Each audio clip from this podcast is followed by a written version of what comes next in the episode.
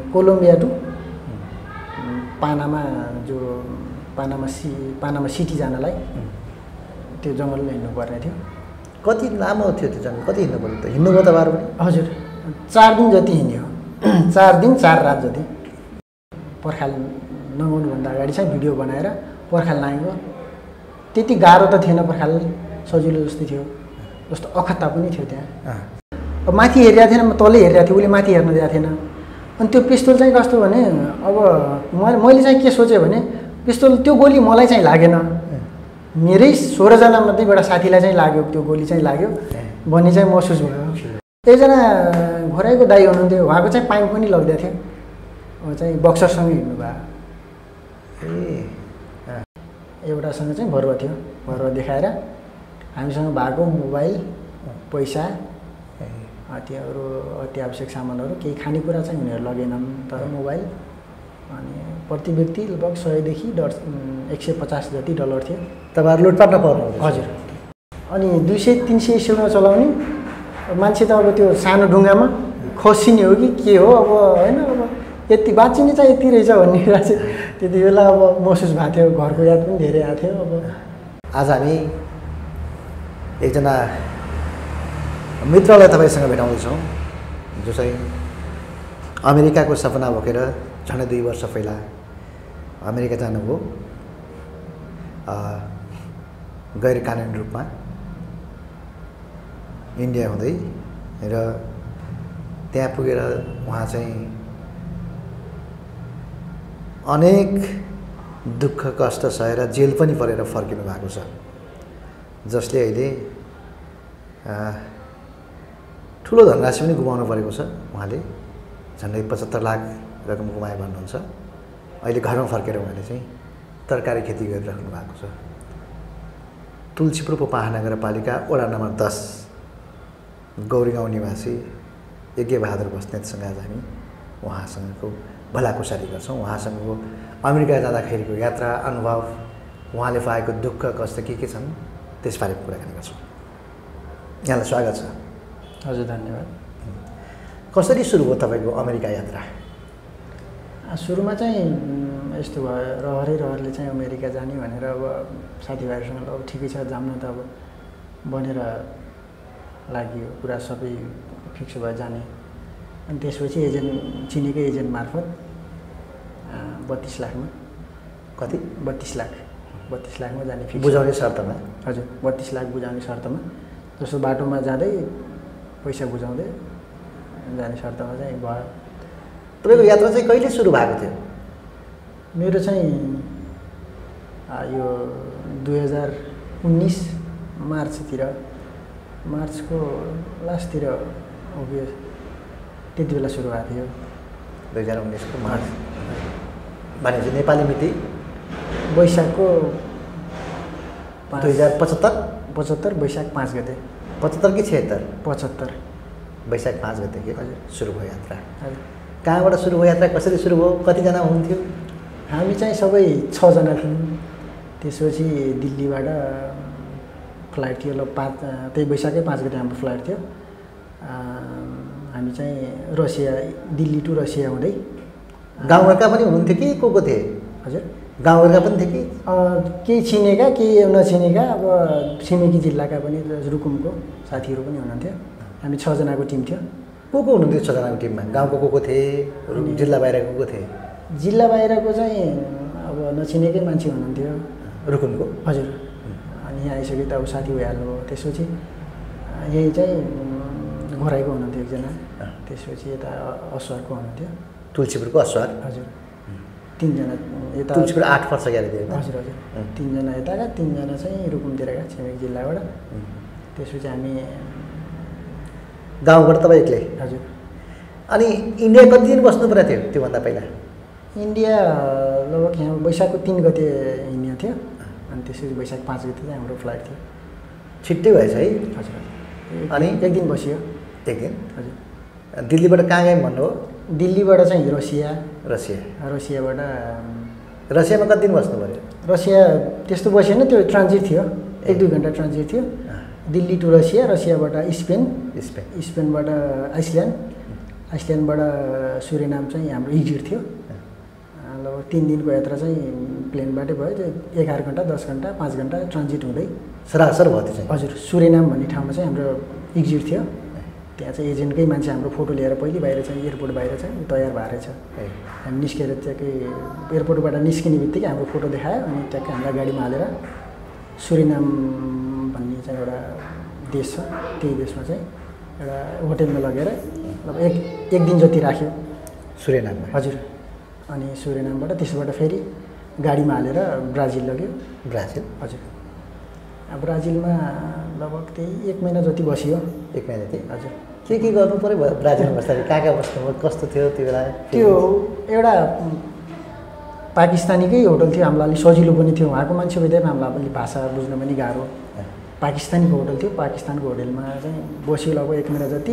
भाषा पनि हामीलाई सजिलो थियो। बोल्न बोल्न कुराकानी गर्न। त्यो हिन्दी बोल्थ्यो? हिन्दी बोल्ने भएको कारणले हामीलाई टाइम टाइममा चाहिँ गेम खेलाउन लग्ने। कस्तो कस्तो गेम जस्तो यो उसले चाहिँ हामीलाई चाहिँ फुटसल गेमहरू फुटबलहरू खेलाउँथ्यो। फुटसल। हजुर। त्यहाँ ब्राजिलमा चाहिँ धेरै फुटबल ग्राउन्डहरू थियो नजिकै थियो होटेलको नजिकै। उसले चाहिँ टाइम टाइममा नेपाली हो भनेर चाहिँ गेम खेलाउन लाग्थ्यो ब्राजिल। अनि यहाँबाट त छजना रहनुभयो दिल्लीबाट जाँदाखेरि हजुर। ब्राजिल पुग्दाखेरि नेपाली कतिजना हुनुहुन्थ्यो? ब्राजिल पुगिसकेपछि अरू छजना चाहिँ हाम्रो हाम्रै एजेन्टको मान्छे। अरू छजना भएर हामी बाह्रजना भयौँ। ती बङ्गाली थिए नेपाली थिए अथवा सबै नेपाली सबै नेपाली हाम्रै एजेन्टको लगभग दाङको सेरोफेरोका थिए? दाङकै सेरो सब छजना दाङको सेरोफेरा सबै दाङका थिए कि। आसपासको जिल्लाका? सबै दाङकै तिन छजना चाहिँ सबै दाङका थिए। सबै दाङका थिए। ए। अनि ब्राजिलमा एक महिना बस्नु पऱ्यो हजुर।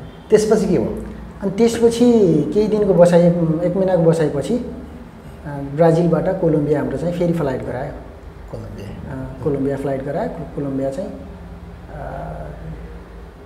दुई दिन दुई दिन जति त्यहाँ बसियो कोलम्बियाको टुर्बो भन्ने। ठाउँमा। अनि कोलम्बिया कुन ठाउँमा? टुर्बो भन्ने ठाउँमा। टुर्मो हजुर। त्यसपछि त्यसपछि हाम्रो चाहिँ जस्तो पानी जहाज डुङ्गा चढेर सिप। हजुर डुङ्गा। चढेर उता कोलम्बियाको कपुरगाना भन्ने ठाउँमा जाने थियो। कपुरकाटा हजुर।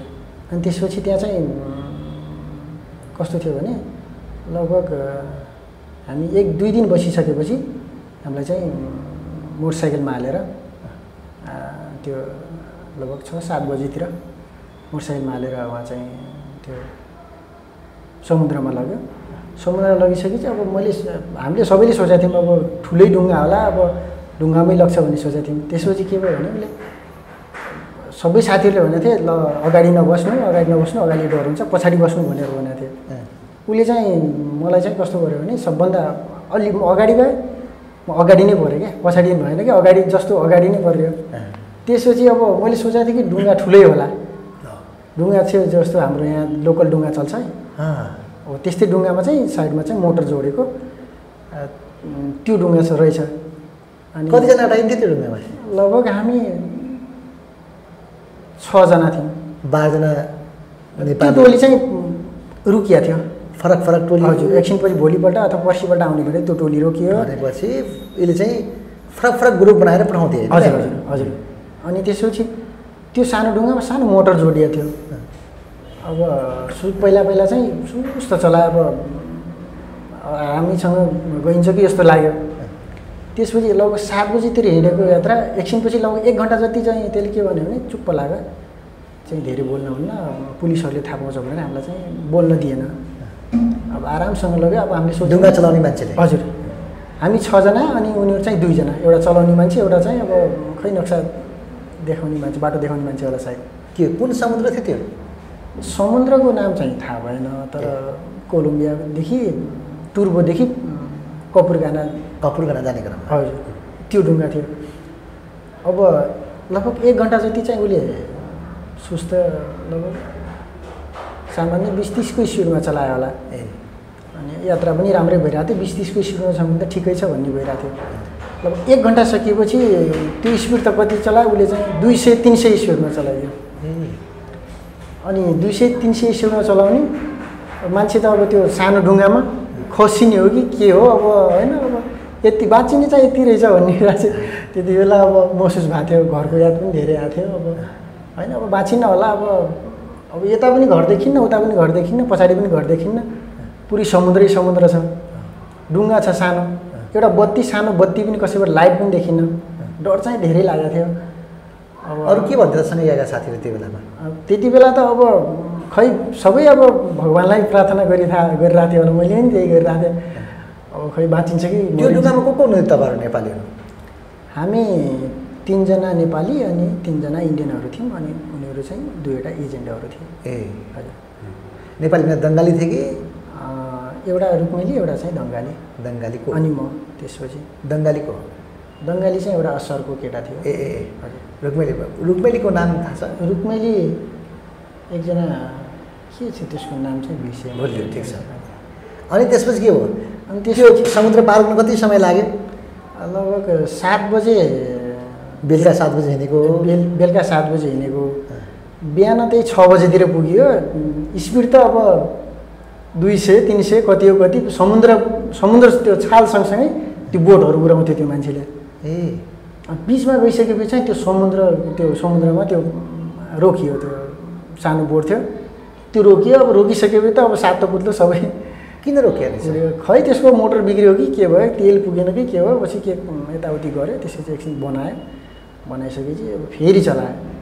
चलाएपछि बिहान त्यही छ बजीतिर पुर्याएको थियो। अब त्यो समुद्र पार गरेपछि खुसी लाग्यो बाँच्यो भन्ने लाग्यो। अब चाहिँ बाँचियो अब चाहिँ केही हुन्छ जस्तो लागेको थियो नत्र भने त त्यो बाटो हेर्दाखेरि अब जङ्गल त्यो उसमा समुद्रमा माछा जस्ता पनि देखिन्छन् मुढा जस्ता पनि देखिन्छन्। अनि त्यो बिच बाटोमा चाहिँ त्यो समुद्रको बिचमा। के हो के हो? माछा पनि अब माछा जस्तो पनि देखिन्छ जलगैडा जस्तो पनि देखिन्छ ठुल्ठुलो मुढाहरू बगाएर ल्याए जस्तो पनि देखिन्छ। त्यति बेला चाहिँ साह्रै डर लागेको थियो। निद लागेन। निद कहाँ लाग्नु?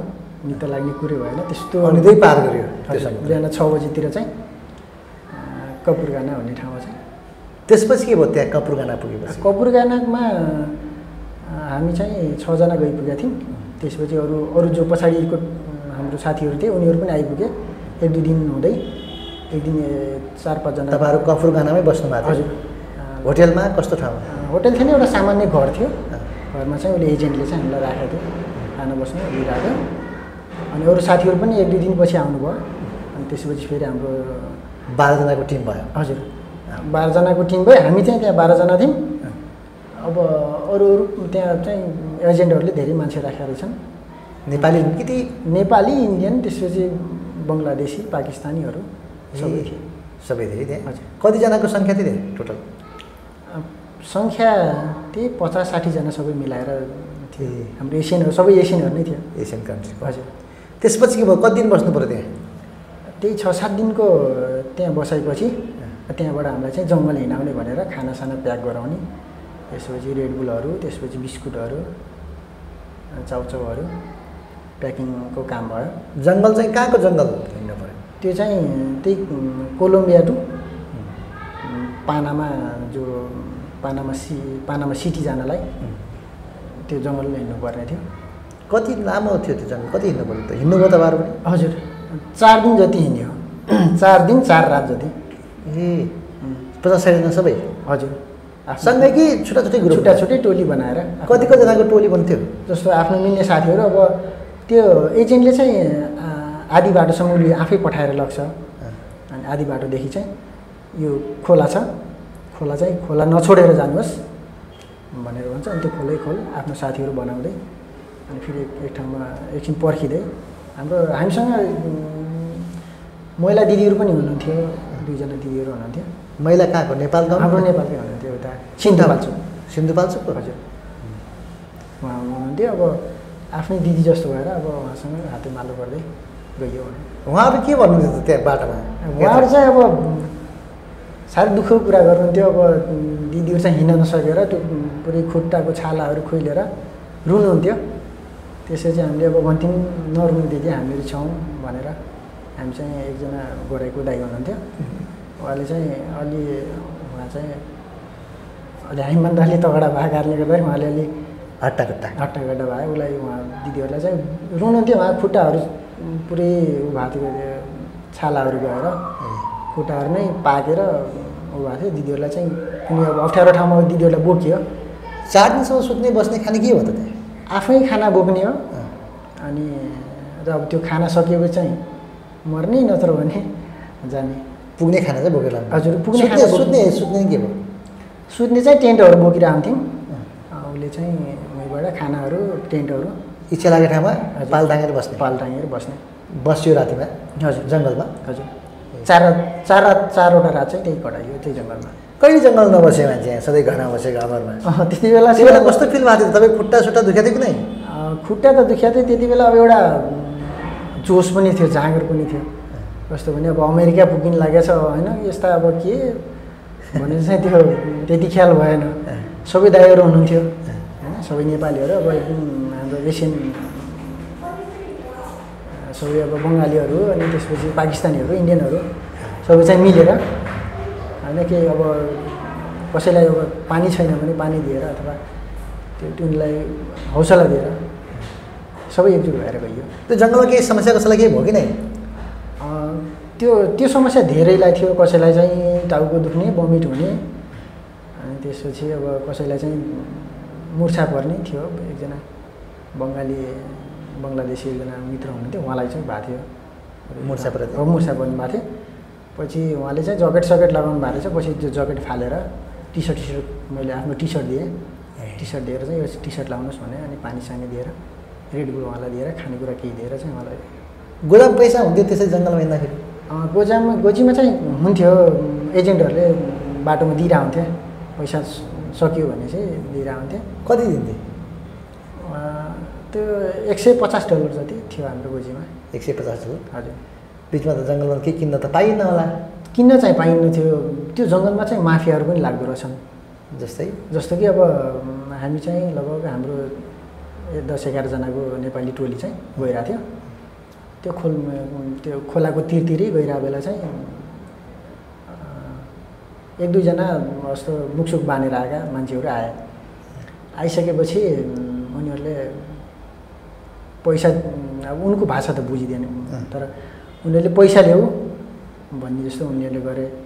त्यसपछि अब कसैले निकाल्न मानेनन् त्यसपछि उनीहरूसँग भरुवा बन्दुक सायद त्यो भरुवा बन्दुक नै हो त्यो। भरुवा बन्दुक अनि त्यसपछि त्यो तरवालहरू सबैसँग चार पाँचजना थियो उनीहरूसँग चाहिँ तरवाल थियो अनि एउटासँग चाहिँ भरुवा थियो।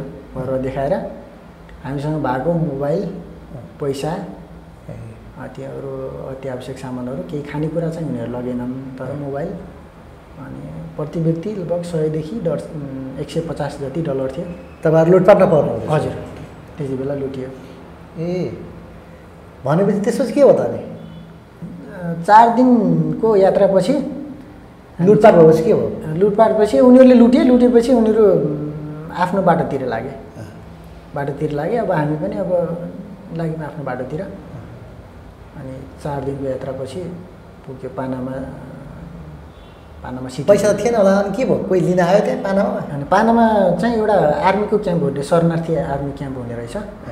त्यो आर्मी क्याम्पमा चाहिँ हामीलाई शरण दियो। खान बस्न यताउति। शरणार्थी भने त्यो नेपाली पनि हुने रहेछन् कि त्यहाँ? होइन शरणार्थी क्याम्प भन्नाले आर्मीहरूले चाहिँ पानामाको। सरकारले चाहिँ हामीलाई शरणार्थीहरूलाई शरण दिने भनेर त्यहाँ छुट्टै क्याम्प क्याम्प जस्तो थियो। त्यहाँ चाहिँ दुई तिन दिन जति त्यहाँ बसियो। कस्तो बस्न खान राम्रै दिएको थियो? बस्न खान राम्रै थियो। अनि त्यसपछि त्यहाँ गइसकेपछि पनि पैसा मगाउन मिल्दो रहेछ। आर्मीले केही सोधपुछ गरेन? त्यस्तो सोधपोछ हुँदैन। उसले बिरामी छ भने अब कुनै औषधि उपचार छ भने औषधि उपचार गर्छ।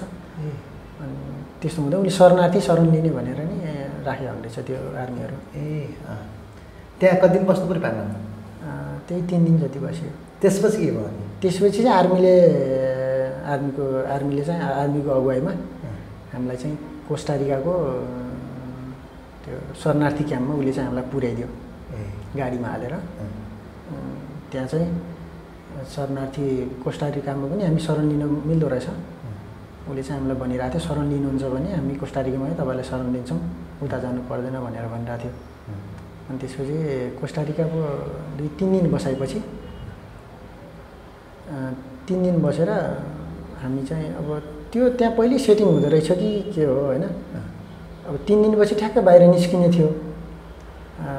तिन दिन क्याम्प बसेर ट्याक्क बाहिर निस्किने थियो। बाहिर निस्किने निस्किरहेको थियौँ बाहिर चाहिँ हाम्रो एजेन्टहरू तयार रहेछ ल्याउनलाई हाम्रो ए। फोटो सोटो देखाएर गाडी ल्याएर ऊ पहिले आइसकेको रहेछ।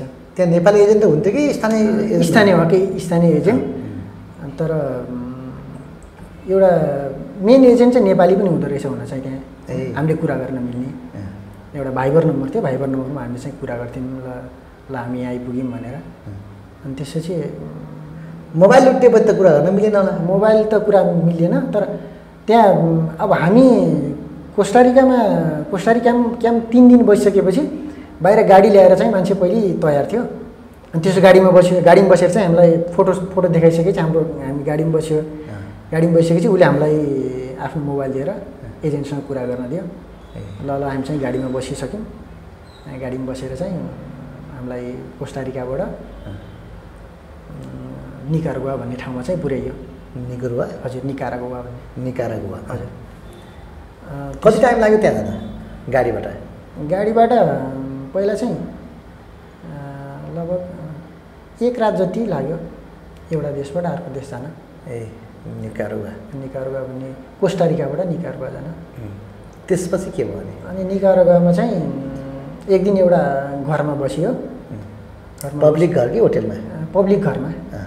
उसको चाहिँ फ्यामिली सहितको घर थियो। उसले चाहिँ हामीलाई एउटा कोठामा बसालेको थियो हामी बाह्रजना नेपाली सहित सबै सोह्रजना अरू इन्डियनहरू मिलेर सोह्रजना थियौँ। त्यसपछि हामीलाई केही पैसा दिएको थियो त्यहाँ निगरगाउँमा आएर ल हामीसँग पैसा छैन भनेपछि पैसा दिएको थियो। कति दिए? हामीसँग लगभग सय डलर जति थियो सबैसँग। त्यसपछि निकारगुवा भन्ने ठाउँमा पनि केही एक दिन जति जङ्गल हिँड्नु पर्दो रहेछ। ए जङ्गल कहाँ जानलाई गोटेमाला भन्ने देश जानलाई गोटेमाला। हजुर। त्यहाँ जानलाई चाहिँ हिँड्नु पर्दो रहेछ। अनि त्यहाँबाट निस्केर चाहिँ कोस्टारिकबाट निस्केर हामी केही लगभग एक किलोमिटर जति बाहिर त्यहाँबाट एक किलोमिटर जति थियौँ हिँडिसकेपछि एक किलोमिटर हिँडिसकेपछि त्यो पुरै माफियाको टोली फेरि आइपुग्यो। पुरै हतियारसहित जस्तो कस्तो हतियार खतरनाकै हतियार थियो होइन। भन्नाले नेपालमा देखाएको अनि नेपालमै अब आर्मीहरूले बोक्ने जस्तै थियो। कटुवा पिस्तोलहरू अनि त्यो सबै। चार पाँचजना चाहिँ पुरै आक्रमण गर्ने हिसाबले आएर जति छ पैसा। पैसा छ जुनको मोबाइल बच्चा छ त्यो मोबाइल पैसा सब लगेर तिनीहरू पनि आफ्नो बाटो लागे। ए अनि त्यसपछि लगभग ए अनि के भयो त्यसपछि? फेरि? बिहान चार बजे हिँडेको त्यहाँ निगरगामा लगभग साँझ चार बजेतिर बाह्र घन्टा जति निगरगामा हिँड्यो। जङ्गलको यात्रा? हजुर। खानेकुरा के थियो? खानेकुरा पनि थियो केही खानेकुराहरू थियो लगभग बिहान हामी खाएर हिँडेपछि त्यहाँ चाहिँ साँझ पुगिसकेका थियौँ साँझ हामीलाई खाना चाहिँ। पानी सानी पनि थियो? पानी सानी पनि थियो। बाटोमा जङ्गलमा पानी खोल उहरू खोलाहरू थियो। ए। खोलाको पानी खाँदै। के भयो त्यसपछि? साँझ त्यहाँ चार बजीतिर त्यहाँ पुगेपछि? त्यहाँ पुगिसकेपछि एकछिन हामीलाई चाहिँ बाटोको नजिकमै बसालेर गाडी लिन आउँदैछ एकछिन बस भनेर भन्यो। कि? अब त्यहाँ त्यत्रो देश हिँडिसकेपछि अब उहाँको भाषा चाहिँ स्पेनिस। केही कुरा स्पेनिस चाहिँ अलिक बुझ्नेसम्म भइसकेको थियो त्यति बेला चाहिँ। त्यहाँ लोकल एजेन्ट हुन्थ्यो स्थानीयकै हजुर। स्पेनिसकै? स्पेनिस उनीहरूको स्पेनिस चाहिँ सामान्य अब सामान्य चाहिँ थाहा भइसकेको थियो यसरी बोल्नुपर्छ। यो यो भने चाहिँ खाना भने चाहिँ यो हो यो भने चाहिँ यो हो बस भने चाहिँ यो भनेर थाहा भइसकेपछि उनले गाडी आउँदैछ एकछिन बस भनेर। गाडीमा लगभग पन्ध्र मिनट बसिसकेपछि गाडी आयो। गाडी आइसकेपछि एउटा टक्सन गाडी जस्तै थियो। त्यो गाडीमा सोह्रजना मान्छे त्यो गाडीमा चाहिँ हाल्यो त्यसले। आठजना नौजना अटाउने गाडीमा चाहिँ उसले सोह्रजना हाल्यो। कसरी सम्भव भयो त्यसरी एउटा माथि एउटा एउटा माथि एउटा गरेर। महिलाहरू? महिलाहरू उहाँहरू हुनुहुन्थेन उहाँ चाहिँ छुट्टै एजेन्ट भएको कारणले गर्दा उहाँ अर्को गाडीमा जानुभयो। ए। हाम्रो एजेन्ट चाहिँ छुट्टै भएको कारणले गर्दाखेरि को थियो एजेन्ट? कहाँको एजेन्ट? एजेन्ट चाहिँ यही इन्डियाको थियो। ए ठिक छ। इन्डियाको एजेन्ट थियो। अब आठजना चढ्ने उसमा चाहिँ सोह्रजना हाल्यो। एउटा माथि एउटा मिलाएर यसो गरेर गइयो। अनि त्यसपछि केही कति यात्रा गर्नु पऱ्यो त्यसरी त्यसरी आधी एक घन्टा यात्रा गरिसकेपछि फेरि हामीलाई झार्यो फेरि हामीलाई झारेर चाहिँ अब त्यो खै बाटोमा चाहिँ पुलिस चेकिङ हुनसक्छ अथवा केही हुनसक्छ हामीलाई झारेर चाहिँ मेन रोडबाट निकालेर चाहिँ यता खेतबाट हिँडाएर फेरि मेन रोडमा ल्याउँथ्यो। त्यो मैले के बुझेँ भन्दाखेरि बाटोमा चाहिँ ट्राफिक चेकिङ अथवा पुलिस चेकिङ भएको कारणले गर्दाखेरि त्यो हामीलाई चाहिँ अनि फेरि त्यही गाडीमा त्यही आठजना चढ्ने गाडीमा सोह्रजना त्यो गाइड गर्ने को हुन्थ्यो यता घुमाउ घुमेर जाँदाखेरि? गाइड गर्ने चाहिँ हामी हामीसँग भाइबर नम्बर हुन्थ्यो। भाइबर नम्बर चाहिँ एउटा ब्राजिलमा एउटा नेपाली त्यसको नाम चाहिँ दिपक थियो। दिपक थियो। दिपक के? त्यसको भाइबरमा नाम चाहिँ दिपक थियो। ए।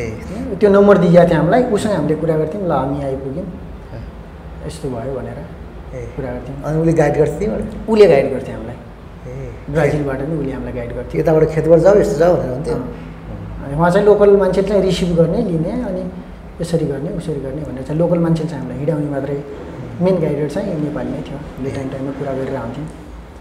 अनि त्यसपछि के भयो? अनि त्यसपछि त्यो त्यो दिन चाहिँ त्यस्तै त्यस्तै गरेर चार पाँच छमा एक डेढ घन्टा एक एक घन्टा डेढ घन्टा हिँड्दै अनि गाडीमा चढ्दै अनि फेरि गाडीबाट निकालेर खेतमा हिँडाउँदै फेरि हाइवेमा ल्याएर त्यो रातभरि चाहिँ त्यस्तरी यात्रा गरियो। राति पुरा हजुर। ए। अनि टर्च लाइट हुन्थ्यो? टर्च लाइट पनि थिएन टर्च लाइट थिएन। हामीसँग त्यति बेला केही थिएन मोबाइल सोबाइल सबै लुटिसकेको थियो।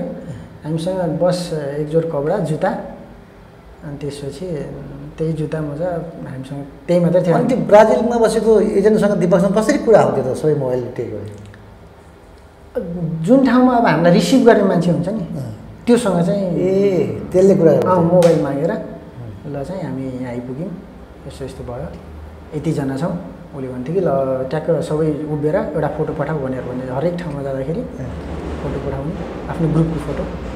उसले चाहिँ त्यो एजेन्टले चाहिँ रिसिभ गर्ने एजेन्टलाई फोटो पठाइदिँदो रहेछ। अनि उसले हामी उता एउटा गाडीबाट झर्न नपाउँदै अर्को रिसिभ गर्ने मान्छे चाहिँ ट्याक्कै आइहाल्यो हुन्थ्यो एकछिन त्यहाँ कुर्नै नपर्ने। ए सजिलो। अनि त्यसपछि कति यात्रा गर्यो त्यसरी? त्यसपछि त्यही निकारगुवाको जङ्गल रातभरि हिँडिसकेपछि केही गाडीमा हिँडिसकेपछि के हिँड्दो हिँड्नु पर्दो रहेछ खोला तर्नु पर्ने रहेछ सान्तिनो। लगभग त्यही सोह्रजनाकै टोली हामी चाहिँ थोरै अब हिँड्नुपर्छ। भनेर चाहिँ हिँडेको थियो। अलिअलि त्यो सान्तिनो पानी पनि परिरहेको थियो। अनि पानी परिरहेको थियो खोला पनि अलि तर्न नसकिने अवस्था जस्तै थियो। सानो सानो खोला थियो तर अलि अलि जोडले आइरहेको थियो। त्यसपछि खोला तरेर हल्का अगाडि गइरहेको थियौँ। अगाडि गइरहेको बेला चाहिँ चार पाँचजनाको टोली फेरि हामी पहिले चाहिँ लुटिसकेका थियौँ। हामीसँग केही पनि थिएन। हाम- हामीसँग त आफ्नो एक जोड कपडा अनि जुत्ता बाइकहरू हामीसँग झोला पनि थिएन पैसा पनि थिएन। हामीसँग केही थिएन। झोला पनि लुटिएको थियो। हाम्रो टुथपेस्टदेखि लिएर ब्रसदेखि लिएर हामी पहिले लुटिसकेका थियौँ। त्यसपछि हामी यता आउँदा खोला तरिसकेपछि खोला तरेर म चाहिँ अलि लास्टमा थिएँ। हामी चाहिँ हातेमालो गर्दै खोला तर्ने बेला चाहिँ अलि म लास्टमा थिएँ। अगाडि चाहिँ दाईहरूदेखि लिएर हुनुहुन्थ्यो साथीहरू हुनुहुन्थ्यो। अगाडि गइपुगेर चाहिँ चार पाँचजनाको टोली आएर पुरो पिस्तोल देखाएर पैसा चाहिँ पैसा पैसा निकाल भनेर फेरि आए चार पाँचजना कति बजेको समय थियो त्यो लगभग उज्यालो अँध्यारो? अँ, तिन बजेतिर। बिहान? बिहानको तिन बजीतिर त्यो राति हिँड्दाखेरि अँ, चार पाँचजनाको टोली आयो। टोली आइसकेपछि अब म त यता ढिकमै थिएँ। अब अनि खोला त अब हातेमालो गर्दै तरियो। तरियो। अनि उसले चाहिँ सबै बस भनेर राउन्ड लगाएर बसाल्यो। बसालिसकेपछि उसले चाहिँ पिस्तोल चाहिँ कक गरेर अनि त्यो चाहिँ एकजना एकजना दाईको चाहिँ कन्सर्टमा पिस्तोल पिस्तोल चाहिँ देखाएर त्यो पैसा ल्याऊ। कति छ पैसा पैसा ल्याऊ भन्नलाई। केही साथीहरूको त अब झोला त थियो। झोलामा अब सामान चाहिँ केही थिएन। एक जोड कपडासम्म थियो। अनि त्यसपछि तिनीहरूले के गरे भनेपछि हामीसँग भएको हामीसँग त केही थिएन। कपडा पनि थिएन अरू एक्स्ट्रा। उनीहरूले चाहिँ अब जुत्ता पनि छोडेनन् तिनीहरूले। ए जुत्ता पनि लगे। केको जुत्ता लगे कसैको चाहिँ कसैको चाहिँ ज्याकेट लगे। अब त्यति बेला चाहिँ लास्टै डर चाहिँ लागेको थियो। अब तिनीहरू जो चारजनाको टोली थियो उनीहरू चाहिँ मदिरा सेवन गरेर पुरै अब अनकन्ट्रोल जस्तै थियो उनीहरू चाहिँ। अनि। पिस्तोल पनि हातमै थियो। अनि कक गरेको पनि उता सुनिरहेछ। होइन अनि एउटा साथीको चाहिँ कन् कन्सर्टमा चाहिँ पिस्तोल राखेर पैसा चाहिँ सबैले ल्याऊ भन्न लागे अब हामीसँग केही पनि थिएन। एकजना दाईको चाहिँ उसले चाहिँ पाइन्टमा यस्तो पाइन्टको उसमा चाहिँ सय डलर राखेको रहेछ होइन? अब यो पैसा चाहिँ राखेर के गर्ने? अब साथीभाइलाई गोली हान्न लागेपछि उसले चाहिँ सय डलर झिकेर दियो। झिकेर दिइसकेपछि त्यो मान्छेले चाहिँ कन्चर्टको पिस्तोल चाहिँ उसले माथि फायरिङ गर्यो। ए। माथि फायरिङ गर्यो। सातो पुतले सबै उयो अब त्यो के भयो भन्दाखेरि अब माथि हेरिरहेको थिएन। म तलै हेरिरहेको थिएँ उसले माथि हेर्न दिएको थिएन। अनि त्यो पिस्तोल चाहिँ कस्तो भने अब मैले मैले चाहिँ के सोचेँ भने पिस्तोल त्यो गोली मलाई चाहिँ लागेन। मेरै सोह्रजना मध्ये एउटा साथीलाई चाहिँ लाग्यो त्यो गोली चाहिँ लाग्यो भन्ने चाहिँ महसुस भयो। तर उसले चाहिँ त्यो त्यो गोली चाहिँ उसले माथि हाने रहेछ माथि फायर गरेर रहेछ। उसले चाहिँ मैले मैले के सोचेको थिएँ भने हामी सोह्रजना मध्येमा एउटालाई चाहिँ गोली लाग्यो अब कसलाई लाग्यो उनीहरू चाहिँ अनकन्सियस थिए त्यही भएर पनि त्यो त्यो हिसाबले पनि अब गोली अन्धाधुन्दा हान्दाखेरि कोही साथीलाई लाग्यो कि भन्ने भयो तर उसले चाहिँ फायरिङ माथि गरेर रहेछ अनि मेरो चाहिँ हातमा उ थियो एउटा बालो थियो। यो चाहिँ मनकामनाको चाहिँ बालो थियो एउटा पहेँलो बालो। सुनको चाहिँ थिएन त्यो। तर त्यो मान्छेले मलाई खै उसले सुनकै सोच्यो होला। बाटोमा चाहिँ कसैले के गरेको थिएन। त्यति बेला चाहिँ त्यसले पिस्त कानमा पिस्तोल राखेर यो दिन्छस् कि के गर्छस्? भनेर अब अनि ट्याक्क झराएर दिएको थिएँ छराएर दिएको थिएँ। अनि हामी जति थियौँ सोह्रजना थियौँ जुत्ता लग्यो। अनि ल हामी एक घन्टा जति खाली खुट्टा चाहिँ हिँड्यौँ।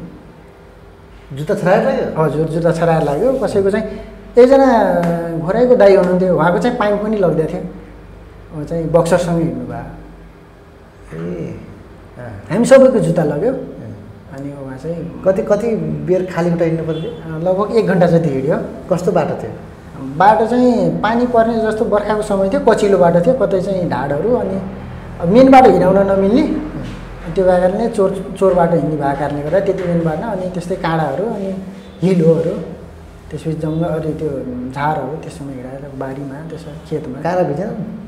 काँडा त भिज्यो अब ढुङ्गा पनि भिज्यो भिज्न चाहिँ। त्यति बेला अब बाँच्यो अब बाँच्यो भन्ने भयो। अब ठिकै छ काँडा भिज्यो पनि केही भएन बाँच्यो भन्ने चाहिँ भयो। त्यसलाई बाँच्नु ठुला थियो हजुर। छिटो कुरा थियो अनि त्यसपछि त्यो त्यहाँ गइसकेपछि चाहिँ त्यो त्यो रात चाहिँ बिहान लगभग तिन चार बजी तिन बजीतिर त्यहाँ त्यो घटना भइसक्यो। एक घन्टा हिँडेर चार बजीतिर हामी त्यो एउटा एजेन्टले अब उसकै घरमा लग्यो। एजेन्टले? हजुर। स्थानीय एजेन्टले? हजुर। त्यसले चाहिँ खानासाना खुवायो। खानासाना खुवाइसके चप्पल जुत्ता किन्ने कि त्यसपछि सबैलाई चाहिँ सोह्र जोर चप्पल सोह्र जोर चप्पल चाहिँ ल्याइदियो त्यसले। कसैको पाइन्ट थिएन पाइन्ट ल्याइदियो।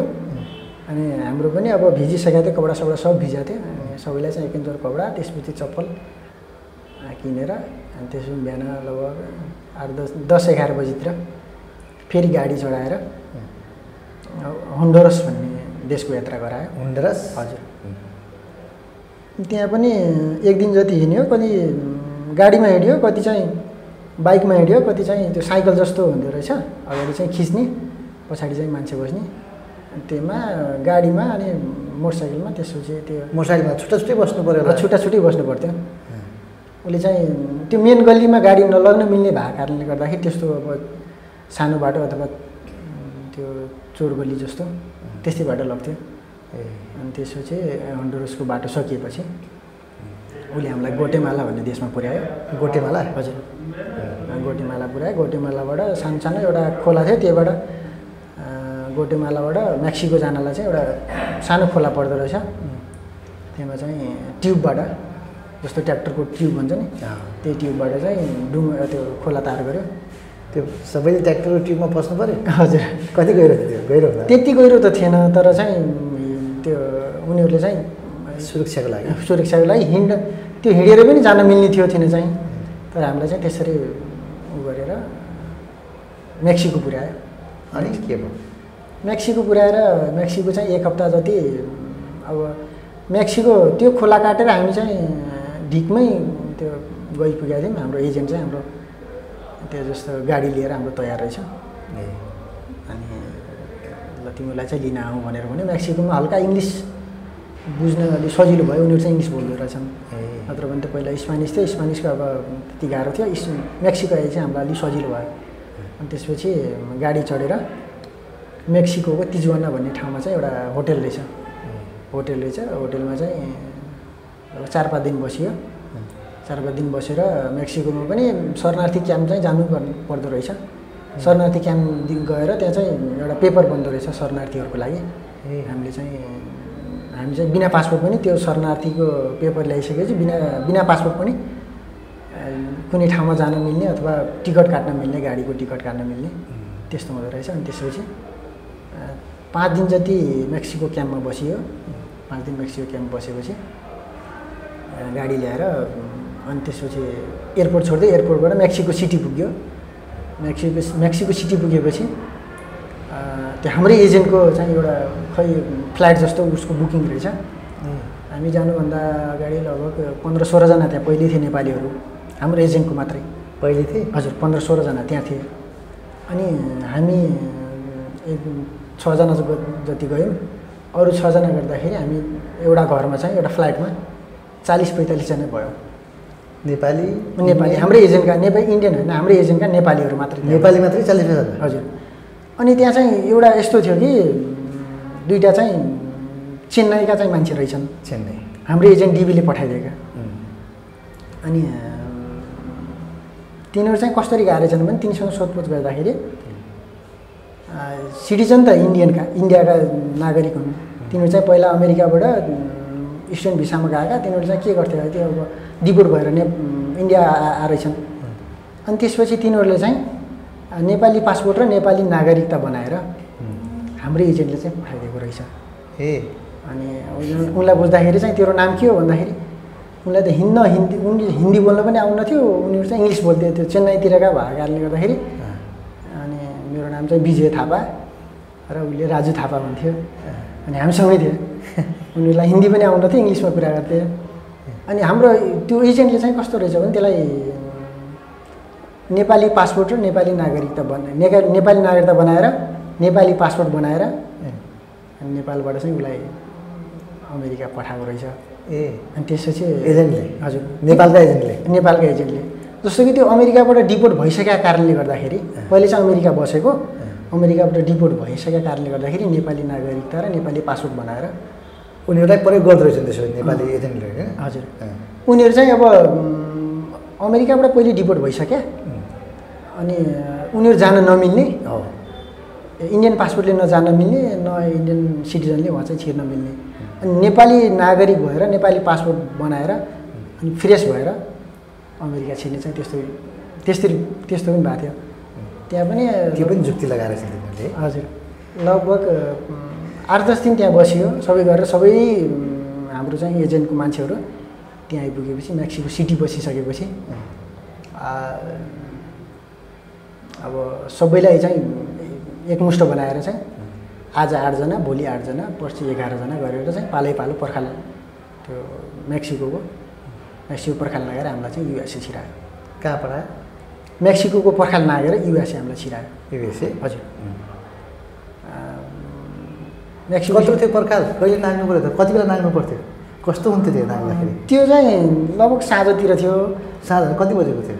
लगभग आठ उज्यालो, अँध्यारो? आठ नौ बजीतिर। अँध्यारो थियो? हजुर अँध्यारो जस्तो युएसएको पर्खाल नाग्दाखेरि? हजुर उसले चाहिँ हामीलाई पर्खाल कत्रो थियो? पर्खाल चाहिँ कति फिट? लगभग? लगभग मान्छेभन्दा अग्लो? मान्छेभन्दा दुई मान्छे जति। भनेपछि दस फिट जति? दस फिटभन्दा पनि अझ बढी। नै थियो। कसरी नाग्नु थियो त्यो अग्लो पर्खाल? जस्तो हामीलाई ट्याक्सीमा हालेर चाहिँ उहाँ लग्यो। मेक्सिको लग्यो। मेक्सिको लगिसकेपछि तिजुवाना भन्ने ठाउँ चाहिँ हामीलाई पर्खाल नगर्ने उसको प्लान रहेछ। अब हामीलाई चाहिँ सर लग्यो। लगिसकेपछि ट्याक्सीबाट झराएर अब पर्खाल त अब कस्तो होला कस्तो होला भन्ने महसुस त भइरहेको थियो। तर चाहिँ त्यति गाह्रो चाहिँ थिएन त्यहाँ। जस्तो सटर अथवा टिनको पाताहरू ट्याक्क लगाएको हुने रहेछ अनि ट्याक्क ट्याक्क त्यो अखत्ता जस्तो माथि चढेर हाम फाल्न मिल्ने रहेछ। उसले चाहिँ हामीलाई भिडियो बनायो। कसले त्यो जो हामीलाई चाहिँ पर्खाल नगाउने भनेर गएको त्यो एजेन्ट थियो नि. त्यसले चाहिँ हाम्रो भिडियो बनायो। भिडियो बनाइसकेपछि ल है यिनी यति केटाहरू चाहिँ पर्खाल नगाइसक्यो भने चाहिँ उसको जिम्मेवारी सकिँदो। रहेछ। उसले चाहिँ हामीलाई भिडियो बनाएर यता एजेन्टलाई पठाउने होला सायद होइन? उसले चाहिँ पर्खाल नगाउनुभन्दा अगाडि चाहिँ भिडियो बनाएर पर्खाल नागेको त्यति गाह्रो त थिएन पर्खाल सजिलो जस्तै थियो। जस्तो अखत्ता पनि थियो त्यहाँ। टेक्ने ठाउँहरू थियो। टेक्ने ठाउँ थियो। अनि ट्याक्क नागेर उता युएसए छिर्यो। युएस छिरिसकेपछि लगभग त्यही पाँच दस मिनटको तपाईँले पनि नाग्नु हो? हजुर। पाँच दस मिनट हिँडेर त्यो हेली पनि त्यो माथिबाट हेलीले पनि हेरेर आउने रहेछ। अनि अमेरिकाको हेलिकप्टरहरू त्यहाँ पुरै लाइटसहित फ्ल्यास लाइटसहित हेरेर आउँदो रहेछ। नाइट भिजन जस्तो मैले त अब सुनिनँ होइन। तर हाम्रो साथीहरूले भन्नुहुन्थ्यो कि त्यो कि साइरनहरू बज्यो भनेर। त्यो पर्खाल नाग्दाखेरिको साइरनहरू बज्यो भनेर भन्नुहुन्थ्यो। अनि लगभग त्यही पाँच दस मिनट जति हामी हिँडिरहेको थियौँ त्यसपछि पर्खाल नागेर? हजुर। बोर्डर पेट्रोलको मान्छे आयो। कसको मान्छे आयो? Border petrol. बोर्डरहरू गस्ती। गस्ती गस्ती टोली। आइसकेपछि। उसले चाहिँ ट्याक्कै लगाएर हामीलाई चाहिँ ठाउँमा लगाएर अनि उसले चाहिँ नाम सोध्न थाल्यो। कुन देशको हो? नाम के हो? भनिसकेपछि एकछिनपछि इङ्ग्लिसमा सोध्थ्यो इङ्ग्लिसमा सोध्यो। त्यसले नाम लेख भन्थ्यो अब नाम चाहिँ सोधियो। इङ्ग्लिसमै थियो थिएन चाहिँ। त्यसपछि त्यही हाम्रो सबै नाम लेखिसकेपछि पाँच दस मिनटमा गाडी आयो। गाडी आएर चाहिँ कतिजना त्यसरी? हामीले त्यति बेला एघारजना थियौँ। एघारजनाले पर्खाल नागेका थियौँ। एघारैजनाले चाहिँ सबैलाई समात्यो हजुर। अनि के भयो त समातेपछि अनि त्यसपछि एघारजना दुईवटा चाहिँ हामी मध्येमा चाहिँ अन्डर एज अठार वर्षदेखि तलका रहेछन्। ए। तिनीहरू रुकुमकै साथीहरू हुनुहुन्थ्यो। तिनीहरूलाई चाहिँ कस्तो रहेछ। अठार वर्षभन्दा मुनिलाई चाहिँ हामीलाई हामी हामीसँग मिस राख्दो रहेनछ उनीहरूलाई चाहिँ छुट्टै लगिहाल्यो। अन्डर एज भएर होला तिनीहरूलाई चाहिँ छुट्टी लाग्यो। अनि हामी गयौँ। आठजना आठजना जति चाहिँ केही हाम्रो सोधपोछ भयो। नेपाली इन्टरप्रेटर हुँदो रहेछ हामीलाई त्यति गाह्रो पनि भएन। इन्टरप्रेटर नेपाली लगाइदिँदो रहेछ। हाम्रो चाहिँ अब किन हो? किन आइस? कहाँबाट आइस? कुन बाटो भएर आइस? अनिदेखि लिएर एजेन्टको कुन हो तेरो एजेन्ट? भनेर त्यति सामान्य सोधपोछ भयो। सामान्य सोधपोछपछि अँ, हामीलाई चाहिँ दस एघार दिन जति एउटा चौकी जस्तो चौकी बस जस्तोमा चाहिँ बसाले एउटा रुम थियो। दस एघार बजेतिर। दस एघार दिन जति त्यहाँ बस्यौँ हामी। ए प्रहरी चौकी जस्तो हजुर। त्यहाँभित्र हुन्थ्यो अब एउटै रुममा बसिरहेको हुन्थ्यौँ अब उम्, थुनी राख्यो भनौँ न। थुनेर राख्यो। जस्तो अब दिन पनि थाहा हुँदैन थियो रात पनि थाहा हुँदैन थियो। किन? जहिले उज्यालो बजिरहेको हुन्थ्यो एउटै कोठामा बसिरहेको त्यो थाहा हुँदैन थियो भित्र। बस्ने सुत्ने व्यवस्था त राम्रै थियो। व्यवस्था त राम्रै थियो तर दिन भइरहेछ कि रात भइरहेछ कि थाहा हुँदैन थियो। ए। खाना बस्न पनि दिइरहेको हुन्थ्यो एघार दिन बसिसकेपछि लगभग पाँच छ दिन पाँच छ घन्टा गाडी चढाएर फेरि त्यहाँको बेटर बोर्डर पेट्रोलले अर्को एउटा ठाउँमा सिफ्ट गर्यो कुन ठाउँ? त्यही अब अमेरिकाकै क्यालिफोर्निया हुन चाहिँ त्यो अब कुन ठाउँ त्यो चाहिँ थाहा भएन क्यालिफोर्नियाकै समथिङ के थियो सान फ्रान्सिस्को या अस्ति यस्तै के थियो त्यहाँ राखेर चाहिँ प्लेनमा प्लेनमा बस्ने भनेर नाम छुट्याउँदै नाम बोलाउँदै नाम बोलाउँदै प्लेनमा चाहिँ बसाल्यो अनि त्यहाँबाट हामीलाई चाहिँ लगभग हामी सत्र अठारजना नेपालीसहित दुई सयजना सबै उसका इन्डियन नेपालीहरू त्यसपछि पाकिस्तान हो पाकिस्तानीहरू त्यसपछि अफ्रिकाका सबै देशका मान्छेहरू दुई सय जति थियो प्लेनमा। प्लेनमा हालेर चाहिँ हामीलाई चार पाँच अमेरिका छिर्न खोजेको? हजुर। सबैलाई चाहिँ अमेरिकाको जर्जिया भन्ने स्टेटमा लग्यो। जर्जिया अमेरिकाको जर्जिया? हजुर। त्यहाँ लग्यो। त्यहाँ लगिसकेपछि अब एक दिन चाहिँ हामी एउटा छुट्टै रुममा बसेको थियौँ। त्यसपछि हामीलाई चाहिँ उयो आयो। डिटेन्सनको सबै रुम रुममा पठायो। रुममा पठाइसकेपछि रुममा? हजुर। रुममा पठाइसकेपछि त्यहाँ चाहिँ पुराना नेपालीहरू भेट भयो। ए पुराना नेपालीहरू भेट भयो। अनि उनीहरू चाहिँ कति महिना छ महिना दस महिना एघार महिनादेखि बसिरहेको देखेर अब सातो पुत्लो सबै गऱ्यो अब चाहिँ सबै जेलमा जेल हो त्यो जेल जस्तै डिटेन्सन जस्तै डिटेन्सन। जेल त त्यसलाई भन्नु मिल्दैन तर डिटेन्सन। शरणार्थीहरूको क्याम्प। जस्तो थियो। अनि अब छ महिना सात महिना। बाहिर निक्लिन पाइन्थ्यो कि थुनेर बस्नुपर्ने भयो? अँ, बाहिर निस्किनु पनि पाइन्थ्यो। खाना खान जाने टाइम हुन्थ्यो खाना खान गइन्थ्यो। अनि त्यो काउन्ट टाइम बाइक अरू बेला चाहिँ त्यो काउन्ट काउन्ट गर्ने त्यो डिटेन्सनहरू काउन्ट गर्ने टाइम बाइक अरू बेला चाहिँ बाहिर हुन्थ्यो तर तारजालीभित्रै रहनु पर्थ्यो। त्यसपछि त्यहाँ लगभग त्यस्तो नेपालीहरू भेटिसकेपछि अब निस्किने चान्स चाहिँ छैन भन्ने कुरा चाहिँ फिक्स भयो। तपाईँ पनि कसैलाई भेट्नुभयो त्यो त्यो ठाउँमा नेपाली? नेपालीहरू भेटिए नेपालीहरू कहाँ कहाँ थियो? के भन्दै तिनीहरूले उनीहरू अब छ सात महिनादेखि कसैको चाहिँ धरौटीको लागि प्रोसेस भइरहेका कोही चाहिँ धरौटी काटिएका। कोहीले चाहिँ असैलामको लागि ग्रिन कार्डको लागि केसमाथि लडिरहेका। कोही चाहिँ माथि केस नै डिनाइड भएका। अरू थिए। थिएँ त्यसपछि अब मेरो पनि अब अब प्रोसेस गर्नुपर्ने भनेर वकिल हायर गरियो। वकिल हायर गरिसकेपछि बोन्डेड जस्तो धरौटीको लागि डेट लिएँ मैले। वकिल पनि थियो हाम्रो ने- नेपाली वकिल। तपाईँ चाहिँ कति बस्नु पऱ्यो त्यो सत्र महिना चाहिँ त्यही डिटेन्सनमै बसियो। अनि त्यसपछि के भयो? अनि त्यसपछि त्यहाँ धरोटीको लागि वकिल पनि लिनु लियो। त्यसपछि धरोटी चाहिँ मलाई धरोटीमा छोड्न चाहिँ मानेन। त्यहाँको सरकारले त्यहाँको स्टेटले। के भन्यो त्यसले? तिमीले चाहिँ अब ऊ भन्यो उसले अब नेपालमा अब हामी चाहिँ नेपालमा खतरा छ भनेर त्यस्तो भनेर आएर आउँछ होइन। उसले चाहिँ नेपालमा खतरा छैन। अब तिमीहरू चाहिँ आफ्नो नेपाल चाहिँ आफ्नो देश फर्काइन्छ भनेर दरोटीमा चाहिँ दिन मानेन। त्यसपछि हामीले मैले चाहिँ केस माथि हाइकोर्टमा अपिल गरेँ। हाइकोर्ट अपिल गरिसकेपछि हाइकोर्ट पनि छ महिनापछि डिनाइ भएर आयो। पहिला सत्र महिना बस्नु भएको थियो?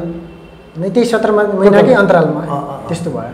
पहिला बोन्डेड लियो बोन्डेड चाहिँ डिनाइ भइसकेपछि असलाम लड्यो असलाम पनि डिनाइ भइसकेपछि हाइकोर्ट गऱ्यो हाइकोर्ट पनि डिनाइ भइसकेपछि अब यो नहुँदैन भने नेपाल फर्किने मैले निदो गरेँ।